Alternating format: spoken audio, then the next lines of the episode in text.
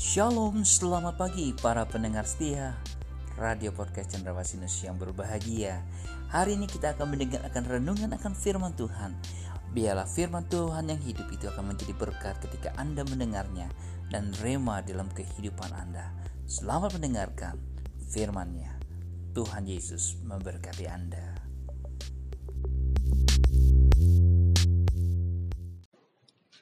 Halo, Shalom, para pendengar Cendrawasih News, apa kabarnya? Satu pertanyaan yang ingin saya tanyakan kepada saudara yang kekasih, para pendengar, apakah saudara pernah marah? Ya, ada marah yang membuat kita mangkel atau marah karena peraturannya kok saya tidak boleh, kok dia boleh Saudara-saudaraku yang kekasih, bagaimana dengan sikap kita sebagai orang percaya dan sekaligus sebagai warga negara Indonesia? Saudara-saudaraku yang kekasih, sebagai warga negara tentu kita berhak menyalurkan protes dan aspirasi keadilan lewat jalur yang benar. Dan sebagai orang percaya, kita tentu wajib bertanya kepada Tuhan, apa pesan Tuhan terhadap marah yang saya alami hari ini. Saudara-saudaraku yang kekasih dalam kitab Mazmur pasal 73, demikianlah firman Tuhan gambaran sebuah pergumulan orang yang bernama Asaf. Karena melihat ketidakadilan yang terjadi. Asaf adalah seorang pemimpin biduan yang dipilih oleh Daud dan sebagai pemuji, ia tahu percis apa yang harus ia kerjakan saat melihat ketidakadilan.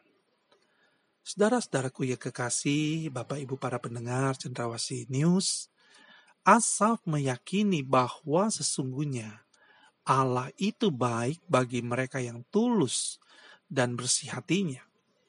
Dan karena itu kita harus menjagai agar hati kita tetap tulus dan bersih.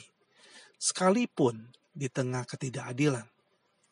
Saudara-saudaraku yang kekasih, Asaf sempat iri hati bin mangkel katanya hari ini. Saat ia melihat bagaimana kehidupan orang-orang fasik yang sehat, gemuk, hidup yang tenang dan nyaman.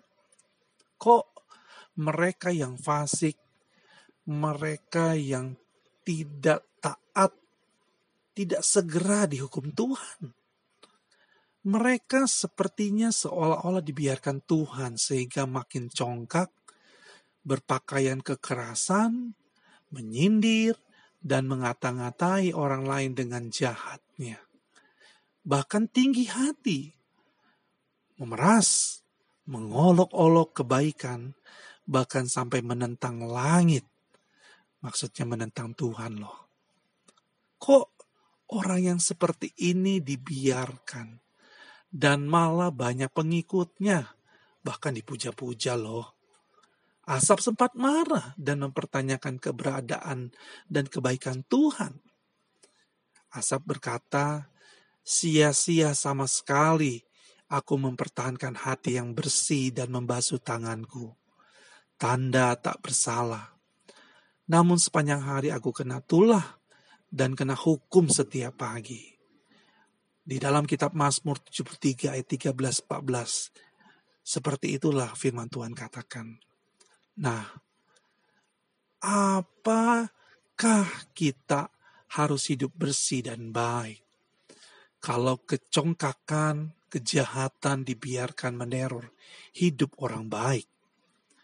Bapak Ibu yang kekasih, pola pikir dan pola rasa asap berubah dikala asap masuk ke dalam tempat kudus Allah. Saat asap melakukan komplain dengan cara menye menyembah Tuhan, dan di sanalah ia memperoleh cara pandang yang baru berkenaan dengan siapa dirinya dan bagaimana orang fasik akan menerima penghukuman kelak. Saudara-saudaraku yang kekasih, apa yang dilihat Asap? Asap hanya melihat kehancuran yang tertunda. Ya, hukuman Tuhan pasti akan datang dengan cara dan waktunya. Bahasa kerennya Gusti Mboten Sare. Dan Asa berkata sesungguhnya di tempat-tempat licin kau taruh mereka. Kau jatuhkan mereka sehingga hancur. Betapa binasa mereka dalam sekejap mata. Lenyap, habis oleh karena kedahsyatan. Seperti mimpi pada waktu terbangun, ya Tuhan. Pada waktu terjaga rupa mereka, kau pandang hina. Saudara-saudaraku yang kekasih, saya dan saudara seperti Asaf, cenderung melihat dari mata kita dan ukuran kita yang terbatas. Padahal keadilan Allah itu pasti dinyatakan dalam ukuran dan waktunya yang tepat. Allah itu baik bagi kita semuanya bahkan waktunya adalah waktu yang terbaik. Tetap dekat dan bersyukur kepada Tuhan. Saudara-saudaraku yang kekasih, Mazmur 73 ayat 28 dikatakan begini. Tetapi aku, aku suka dekat dengan Allah. Aku menaruh tempat perlindunganku pada Tuhan Allah. Supaya dapat menceritakan segala pekerjaannya. Saudara-saudaraku yang kekasih, mari kita bangun hidup seperti Asaf yang berjumpa dengan Tuhan. Ketika dia menjadikan hatinya tulus dan bersih hatinya. Supaya kita menerima kehendak Tuhan. Hari ini, puji Tuhan, selamat mendengar, selamat bekerja, dan selamat beraktivitas. Tuhan Yesus memberkati. Amin.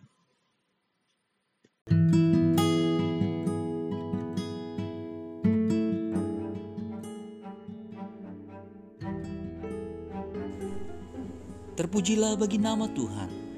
Melalui renungan hari ini, Anda diberkati Tuhan. Dalam suka maupun duka, di atas gunung atau di lembah, dalam tangis ataupun tawa, dalam berkat maupun percobaan. Tuhan Yesus selalu ada di sana, menemani dan tak pernah meninggalkan Anda. Sampai jumpa Tuhan Yesus memberkati Anda.